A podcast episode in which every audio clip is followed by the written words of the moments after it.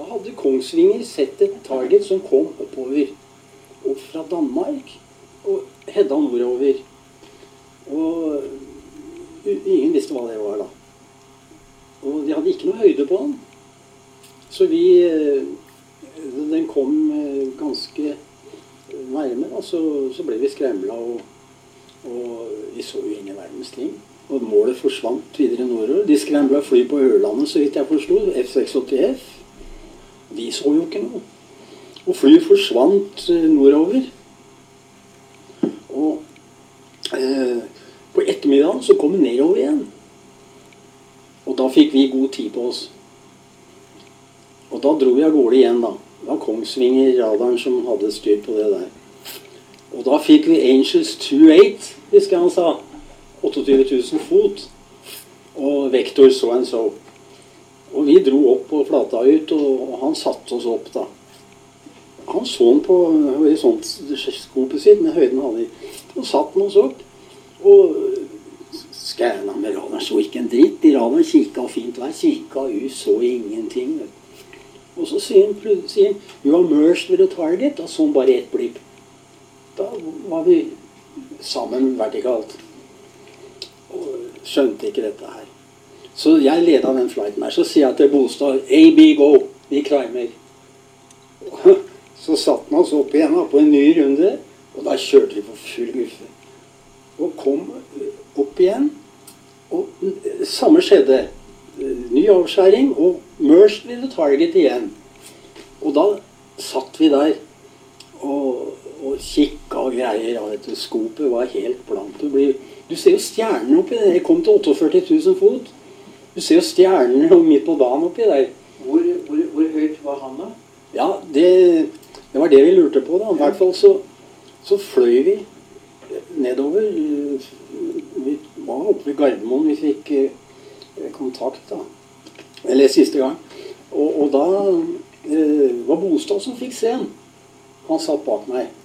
'Twelve o'clock, very high', sa han. Og kikka der oppi der, vet du, fikk du se en sånn liten blank sak.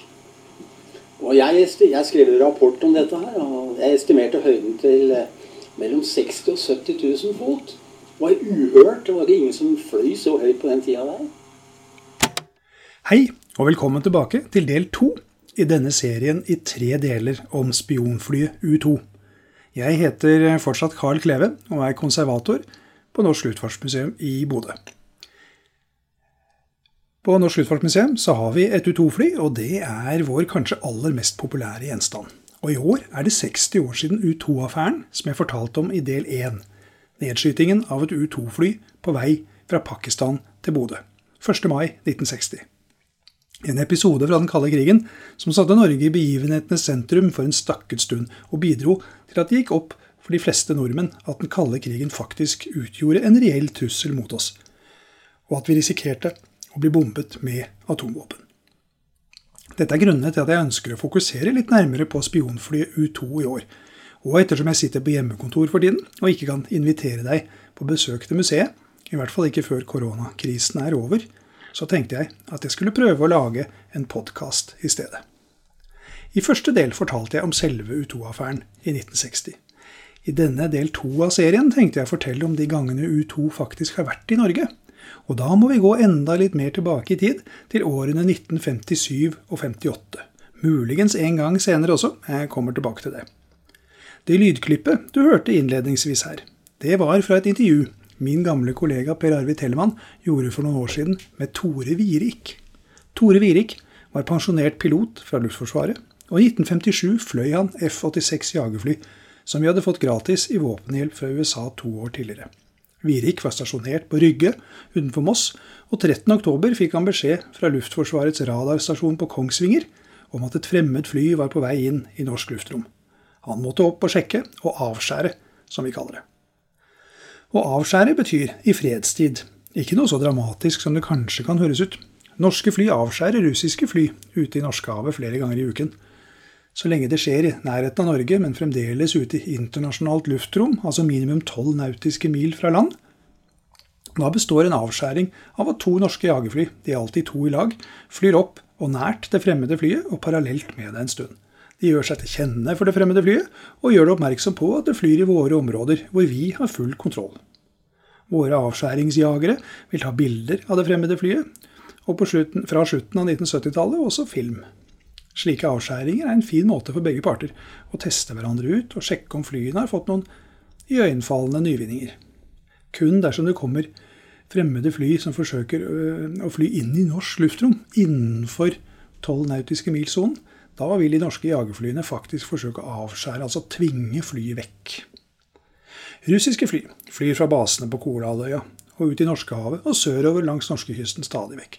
Og Hver gang blir de avskåret av norske fly på denne måten, fra flystasjonene på Ørland eller Bodø. Nå for tiden skjer det 50-100 ganger i året. Under den kalde krigen mye oftere. Gjennomsnittlig antall sovjetiske fly som ble avskåret i perioden 1965, da Sovjetunionens fly hadde fått tilstrekkelig rekkevidde til å fly så langt, og frem til midten av 1980-tallet, det lå på 800 i året. I toppåret 1971 ble 1500 sovjetiske fly avskåret. Bears, Badgets, Badgers, Maymails osv. Med andre ord er det en god del roligere nå. Det må også nevnes at norske fly, primært Orion fra Andøya, også flyr på lignende måte langs kysten av russisk Kolahalvøya, og de blir avskåret av russiske jagerfly. Dette skjer som regel med lite dramatikk. I 1987 skjedde det et litt drama da et sovjetisk flanker jagerfly fløy litt for nært den ene propellen på en Orion. De kolliderte, men ikke mer dramatisk enn at begge fly greide å fly trygt hjem. Det ene propellbladet fra det norske Orion-flyet kan du se på Norsk Luftfartsmuseum i dag. Kom og se det når vi åpner igjen. Men Tore Wiriks avskjæringsforsøk den 13. oktober 1957 hadde potensialet til å bli mer dramatisk, for den gangen kom det fremmede flyet rett inn mot norsk luftrom. Virik beskriver hvordan det kom inn over Østlandet om morgenen og for videre, men det var forbi så raskt at ingen av de norske avskjæringsjagerne rakk å ta det igjen før det var ute av luftrommet vårt i nord. Men om ettermiddagen kom det tilbake igjen, og da hadde de norske pilotene tid. Men som Virik beskrev, det var umulig å komme høyt nok opp til den bitte lille sølvglinsende prikken høyt der oppe. Sølvglinsene, spør du kanskje, er ikke U2-flyene sorte? Men nei, ikke på denne tiden. Den første typen U2, U2A, hadde en motor som egentlig var litt i svakeste laget. For å greie å komme så høyt opp som mulig, hvor luften er tynn og bæreevnen dårlig, måtte flyet spare så mye vekt som mulig. Maling og lakk veier en god del kilo når det skal dekke så stor flate som et U2-fly. Så da droppet man maling. Sølvlinsene, aluminium var det man da sto igjen med, og som Tore Virik så speile seg i sollyset. Året etter fikk flyet en ny motor, Pratt Whitney J75. Så de U2-ene som kom til Bodø i 1958, var sortmalte U2C. Jeg kommer tilbake til dem. Hva ville skjedd dersom Virik hadde greid å komme nært innpå U2-flyet? Det er ikke godt å si, da. På den ene siden skal man gjøre alt for å opprettholde norsk suverenitet over eget luftrom. På den andre siden ønsker man jo ikke å fremprovosere en krig. Og så var det jo den ekstra dimensjonen her, da, at flyet tilhørte vår viktigste allierte. Og selv om dette flyet var ukjent for Tore Virik, var det ikke ukjent for alle i Norge. CIA hadde faktisk spurt om tillatelse. De hadde spurt sin naturlige kontakt, sjefen for Forsvarets etterretningstjeneste, Wilhelm Evang. Han orienterte ledelsen i Russforsvaret. Og én overflyvning fra våre allierte var selvsagt helt uproblematisk. Men ingen hadde orientert luftkommandøren for Østlandet. Så han sendte derfor ut sine jagerfly for å avskjære et for ham helt ukjent fly. Det var jammen godt at det ikke de nådde opp, da. Kommunikasjonssvikt kan være fatalt. En interessant ting ved denne avskjæringen var at de norske radarstasjonene hadde ingen problemer med å oppdage U2-flyet. Våre radarer var amerikanskbygde, og vi regnet med at de var mye bedre enn de sovjetiske. Men det viste seg fort at de sovjetiske heller ikke hadde noen problemer. Det var som jeg nevnte tidligere, da altså to overflyvninger av Norge i 1957. 11. og 13. oktober. Begge ganger kom flyet sørfra, krysset Norge på langs, fløy østover inn i Barentshavet og snudde og fløy samme vei tilbake. Det var det vi så i 1957, og hva eh, CIA fortalte Evang. Fremdeles er det meste av amerikansk arkivmateriale knyttet til U2-flyet hemmeligstemplet, og ikke overført til noen offentlig tilgjengelige arkiver. CIA-historiker Donald Welsenbach og kolleger har publisert flere artikler og bøker om U2 fra slutten av 1980-tallet og fremover. Men alle publikasjonene ble enten hemmeligstemplet i sin helhet, eller så sladdet man store deler. Blant annet er all informasjon om operasjonen i Bodø i 1958 fremdeles hemmeligstemplet fra amerikansk side.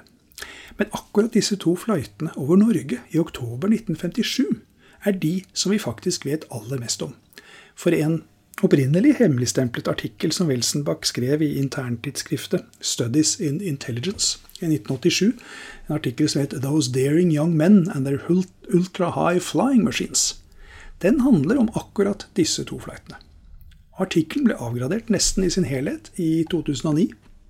Det var bare to små sladder som eh, ble værende igjen, og i hvert fall en av dem handlet om eh, teknisk utstyr. Eh, artikkelen kan lastes ned på CIA sine hjemmesider. De to fløytene blir beskrevet i detalj, med opplysninger basert på hver av fløytenes mission folders. Det viste seg at hver eneste U2-flight i CIA-tiden har sin egen mission folder, med detaljert informasjon om flyturen. Ingen slike folders er avgradert enda. Men her er i hvert fall to av dem temmelig nøye beskrevet i denne artikkelen. Det skulle bety at vi en gang i fremtiden forhåpentligvis kan få like grundig informasjon om andre U2-flighter når når alle mission-folderne blir avgradert. For de kommer til å bli det en gang. Begge disse flightene ble godkjent av president Eisenhower personlig. Den første, 11. oktober, eh, fikk mission eh, nummer 2037. Dens oppdrag var å samle inn elektronisk etterretning, ELINT, fra den sovjetiske flåten, som da drev og øvet i Barentshavet nord for Norge og Kola. Den skulle ikke fly inn i sovjetisk luftrom. Piloten het eh, Jakob Kratt, og flyet tok av fra U2-programmets daværende hovedbase i Gibelstadt i Vest-Tyskland. Kratt han fløy nordover Norge inntil han kom på høyde med Tromsø. Der slo han på avlutningsutstyret sitt, og så fløy han nordøst inn i Barentshavet til han fant den sovjetiske flåten. Og Så fløy han i en trekant inntil han var tilbake over Tromsø tre og en halv time senere. Kratt rapporterte at det så ut som om et sovjetisk fly forsøkte å avskjære ham men det var hele tiden langt, langt lavere. Og han beskrev turen sørover igjen over Norge som begivenhetsløs. To dager senere skulle Hervey Stockman fly mission nummer 2040 i samme retning, og med akkurat det samme U2-flyet som Kratt. Eh, det flyet het Artikkel 351. Den eneste, men viktige forskjellen på de to flightene var at Stockmann han skulle også fly innover land når han kom på høyde med Kolahalvøya innover sovjetisk land. Eh, og så var oppdraget til Stockmann ikke Elint-innsamling, men fotografering. Så tre kameraer ble satt inn i buken på flyet for å fotografere sovjetisk militær aktivitet og baser. Stockmann fløy samme rute som Kratt, men nord for Kola fløy han litt sørover og fløy over den sovjetiske nordflåtens hovedbase Sevromorsk samt byen Murmansk og andre byer og baser på Kola. Før han etter én time snudde vestover igjen, fløy over Norge, samme rute som Kratt to dager tidligere. Stockmann rapporterte også om et sovjetisk avskjæringsforsøk. Russerne må ha vært temmelig bekymret over at et fremmed fly, som de sannsynligvis var sikre på måtte være amerikansk, at det fløy inn i luftrommet deres. I stedet for å holde seg ute i internasjonalt farvann, som var vanlig kutyme. Flyene til russerne nådde selvsagt ikke opp. Stockmann mente at de kanskje kom opp i 55 000 fot, men det var jo fremdeles langt under ham. Etter kom, og etter at han kom tilbake i sikkerhet, altså norsk luftrom, så gjensto det bare a, four, a boring four hour flight tilbake til Giberstadt, som han beskrev det selv. Av en eller annen grunn nevner eh, artikkelen til Welsenbach ingenting om noe norsk avskjæringsforsøk, og det er litt rart. Det er ett sted i artikkelen som kanskje nevner det. På ett punkt, i starten av Stockman sin flight, starten av beskrivelsen, under beskrivelsen av flyturen nordover om morgenen, så er det en sladd som går over ca. fem linjer, hvor vi ikke kan lese det som står. Men Tore Wirik sa jo i sitt intervju at han fløy opp på ettermiddagen. Så her er det en pussighet som jeg ikke kan forklare godt. En mulighet er noe som Welsenbach nevner tidligere i artikkelen, at U2 slet med å oppdage jagerfly dersom de fløy lavere eller høyere enn det luftlaget hvor kondensstriper fra flymotoren dannes. Men Virik fløy jo gjennom dette luftlaget på vei opp, så han burde jo laget kondensstriper som var synlige for Hervey Stockman om bord i U2. Det ville vært interessant eh, å få lese selve mission-folderen. for å se om det sto noe mer der. Forhåpentligvis så blir det mulig en gang i fremtiden. Nå, Men det var en lang fortelling om to flyturer. Og nå skal vi gå over til det som egentlig er den mest spennende tiden i U2-flyets norgeshistorie, nemlig det som het Operation Babyface.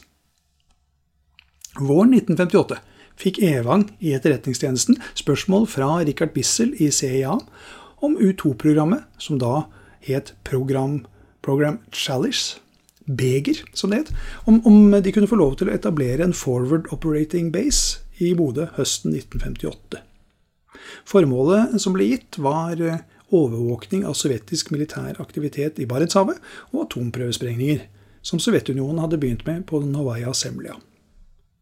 Evang var ikke udelt begeistret. Norske myndigheter tillot ikke permanente amerikanske baser på norsk jord. Det var et ledd i en lavspenningspolitikk overfor Sovjetunionen. Samtidig ønsket Evang veldig sterkt tilgang til amerikansk etterretning. Så han anbefalte overfor forsvarsstaben, forsvarsstabssjefen og regjeringens sikkerhetsutvalg, som besto av statsminister Einar Gerhardsen, forsvarsminister Handal og utenriksminister Lange, Evang anbefalte overfor dem at vi skulle si ja på betingelse av at flyene holdt seg i internasjonalt luftrom. Og det var regjeringen enig i. Og Richard Bissell i CIA gikk også med på det. I september 1958 kom det to U2-fly til Bodø, pluss et transportfly med personale og utstyr. Amerikanerne fikk en hangar til flyet, hangar 5 heter den, står på flystasjonen fremdeles, samt et messeområde, det som i dag heter Messe 2 og et eget bygg som ble revet på 1990-tallet, til samband og alt annet som var nødvendig for å avvikle en U2-operasjon. CIA kalte tiden i Bodø for Operation Babyface. Dessverre vet jeg ikke hvorfor de valgte et slikt eh, pussig navn. Eh, dessverre for CIA så var været i Bodø ganske dårlig den høsten, så det ble bare elleve flighter totalt. I midten av oktober ble det ene av U2-flyene lett skadet, så det fløy da tilbake til hovedbasen sin, som samme år var flyttet fra Tyskland til Tyrkia, in Sirlik, hvor USA fremdeles har en stor flybase. Et nytt U2-fly ble da sendt nordover til Bodø, så tre U2-fly har med andre ord vært stasjonert i Bodø den høsten. 6.11.1958 besluttet CIA å avblåse Bodø-operasjonen øyensynlig uten å ha oppnådd målsetningen pga. for dårlig vær med masse skyer. Og nå var jo mørketida også på vei, og da ble flyfotografering vanskelig. U2 sin tid i Bodø forløp rolig, bortsett fra den aller siste flighten, 6.11. Det ene av de to flyene fløy fra Bodø og rett hjem igjen. Helt eh, uproblematisk. Men det andre flyet det var på tokt nordøst for Finnmark, ute i Barentshavet, da det brått vendte nesen sydover og fløy over Finland, langs grensen til sovjetisk Karelen. Deretter fløy det inn i Finskebukta, over Estland og sørvest til Tyskland. I 2009 da publiserte Alfer Jacobsen en bok som het U2-affæren. Eh, og Den handlet jo da først og fremst om 1960-nedskytingen, men eh, inneholder også ganske mye om 1958-operasjonen i Bodø. Og Jacobsen han intervjuet da John Shinn, som var pilot på denne flighten den 6. november i 1958. Og så intervjuet han Sam Bailey, som var leder for Operasjon Babyface i Bodø. Jeg tror ikke Jacobsen fikk tilgang til mission-folderen for flighten. Men ifølge intervjuene av Shin og Bailey så var overflyvningen av sovjetisk luftrom eh, i Baltikum helt planlagt. John Shin han eh, beskrev overfor Jacobsen eh, hvordan han fløy langs den sovjetiske grensen på finsk side det er en ganske lang grense. Og da han kom ut i Finskebukta, så gjorde han en brå manøver østover i retning byen Leningrad, som nå heter St. Petersburg igjen.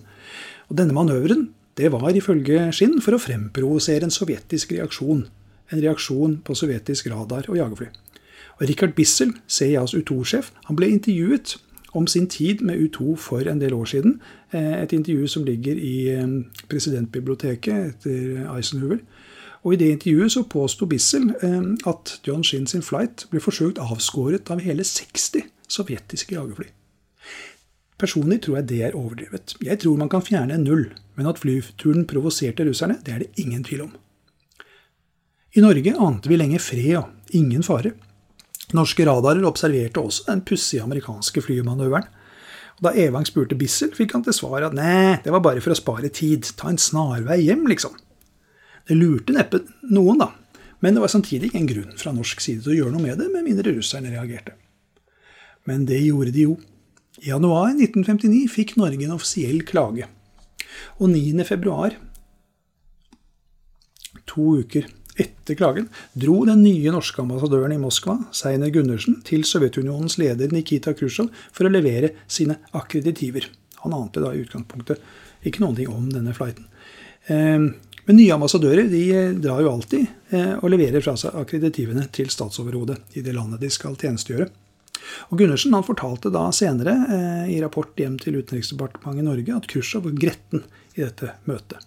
Tre dager tidligere hadde nemlig New York Times publisert en samtale i avisen mellom to sovjetiske piloter som skjøt ned et amerikansk etterretningsfly, ikke en U-2, eh, i september 1958.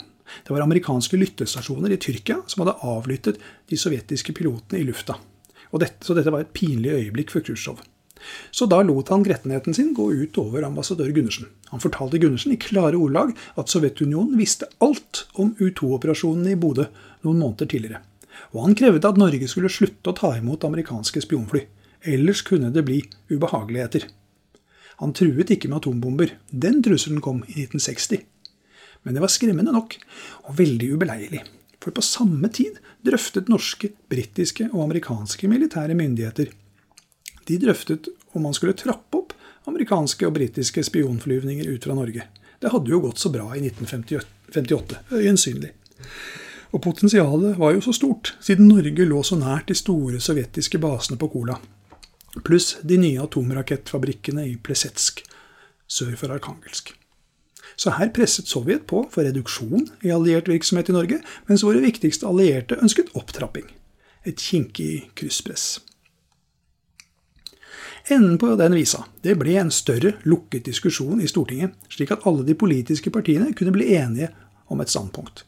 Vi krevde en amerikansk unnskyldning for 6. oktober-flighten og et løfte om at noe lignende ikke ville bli gjentatt. Og så stoppet vi all britisk og amerikansk etterretningsflyvning ut fra Norge i ett år. Men våren 1960 så var vi klare til å gjenoppta. Men da var det jo bare det, da, at denne gangen kom U2-flyet aldri frem til Bodø men den historien snakket jeg om i del én. Denne delen er blitt litt lengre enn jeg egentlig hadde tenkt. Jeg håper fremdeles at du henger med, for det er tre ting til jeg bare må nevne. Nummer én storspion Selmer Nilsen. I 1967 så arresterte Politiets overvåkningstjeneste spionen Selmer Nilsen. Nilsen hadde spionert for Sovjetunionen i Nord-Norge i 20 år. Hans oppgave rapportere på den militære styrkeoppbyggingen i Nord-Norge og sentrale militære operasjoner. Vi vet ikke egentlig hvor involvert Selmer Nilsen var i U2, men da han ble arrestert, tilsto han svært mye. Og en stund etter at han ble løslatt fra sitt syv år lange fengsel, fengselsopphold, begynte han å prate masse. Bl.a. om hvor mye informasjon om U2 i Bodø han visstnok skulle ha gitt til KGB. I 1970 laget NRK et TV-program om Nilsen. Det ble stoppet, sannsynligvis av regjeringen, men det ble vist i Sverige to år senere, og i Norge eh, for drøyt ti år siden. Eh, I tillegg til dette TV-programmet så ble det publisert et par bøker basert på intervjuer med Nilsen. Selv med Nilsen påsto at han bodde i Bodø høsten 1958 og ble godt kjent med U2-pilotene, deriblant Francis Gary Powers, som ble skutt ned over Sverdlovsk i 1960 på vei til Bodø igjen. Etter Selmer Nilsens fortelling var det brått mange bodøværinger som mente at de husket de sorte, spesielle U2-flyene. Mange hadde selvfølgelig sett dem. Bodø hovedflystasjon ligger veldig nært sentrum av byen, og mange jobbet på flystasjonen og kunne ikke unngå å se dem. Til tross for at Etterretningstjenesten og sjefen for Luftforsvaret i Nord-Norge hadde forsøkt å begrense antall nordmenn involvert så mye som mulig. Likevel tror jeg nok at Nilsen overdrev sin rolle, og at på langt nær alle historiene om U2 i Bodø er sanne. Men eh, med den berømmelsen flyet fikk i 1960, var det nok mange som trodde de husket. Uansett er flyet gått inn i Bodø-historien og er i dag en viktig del av byens identitet. Men hva var egentlig CIA sitt mål med Operation Babyface i Bodø 1958? Det er ikke så lett å vite helt sikkert, siden kildematerialet fra amerikansk side fremdeles er hemmelig. Men ut fra det som er frigitt, er det to ting som peker seg ut. For det første atomprøvesprengninger. 20.9.1958 startet Sovjetunionen en serie på 14 atomprøvesprengninger på Novaya Zemlya. og radioaktivitet fra disse ble senere målt så langt sør som Danmark. Nummer to det er overflyvning av sovjetisk territorium. Alfar Jacobsen han viser i sin bok til en annen kjent U2-historiker, Chris Pocock, som mente at Presetsk var Operation Babyface sitt primære mål. Dypt inne i Nordvest-Russland. For der visste de vestlige etterretningstjenestene at Sovjetunionen produserte splitter nye, sannsynligvis interkontinentale atomraketter. Men vi hadde lite konkret informasjon. Plesetsk var det hotteste etterretningsmålet i hele Sovjetunionen på denne tiden, eh, og Powers sin 1960-flyging hadde Plesetsk som et sentralt mål. Men jeg er likevel ikke overbevist om at Plesetsk var målet for U2 i Bodø i 1958 likevel. Til det synes jeg vi mangler totalt noe flybevis. Ingen av de elleve flyvningene ut fra Bodø gjorde, så vidt vi vet, noe som helst forsøk på å fly mot Plesetsk. I stedet så tror jeg faktisk at John Shins sin flyvning 6.11 gir en bedre pekepinn. Han fløy sørover i Finland, i retning Leningrad og Baltikum. Og i et av CIA-dokumentene som ble avgradert og levert til National Archives i Washington allerede i 2001, så står akkurat dette området nevnt. Det, var et brev fra ledelsen i US Air Force til Richard Bissell, CIA-programmets sjef, våren 1958, hvor US Air Force sier at de synes at det mest interessante målet for de planlagte operasjonene i Bodø burde være Leningrad-området. Og i et par av dokumentene som er frigitt fra CIA de siste årene, så står det oversikter over hvilke områder i Sovjetunionen som ble fotografert. Såkalte talent reports fra 1958 bl.a. Talent det var det kodenavnet amerikanerne brukte på flyetterretningsfotografier, mens satellittbilder f.eks. kalles for keyhole. Et par av disse oversiktene viser at det ble tatt U2-bilder av Leningrad og Estlandsområdet, som bare kan være tatt av John Shinn den 6. november. Og I desember i fjor, desember 2019 så holdt jeg et foredrag om Operation Babyface og akkurat denne ene flighten eh, i den estiske historieforeningen i Tallinn. For også i Estland er U2 berømt, og de ville veldig gjerne høre om den første og kanskje eneste gangen U2 fløy over Estland.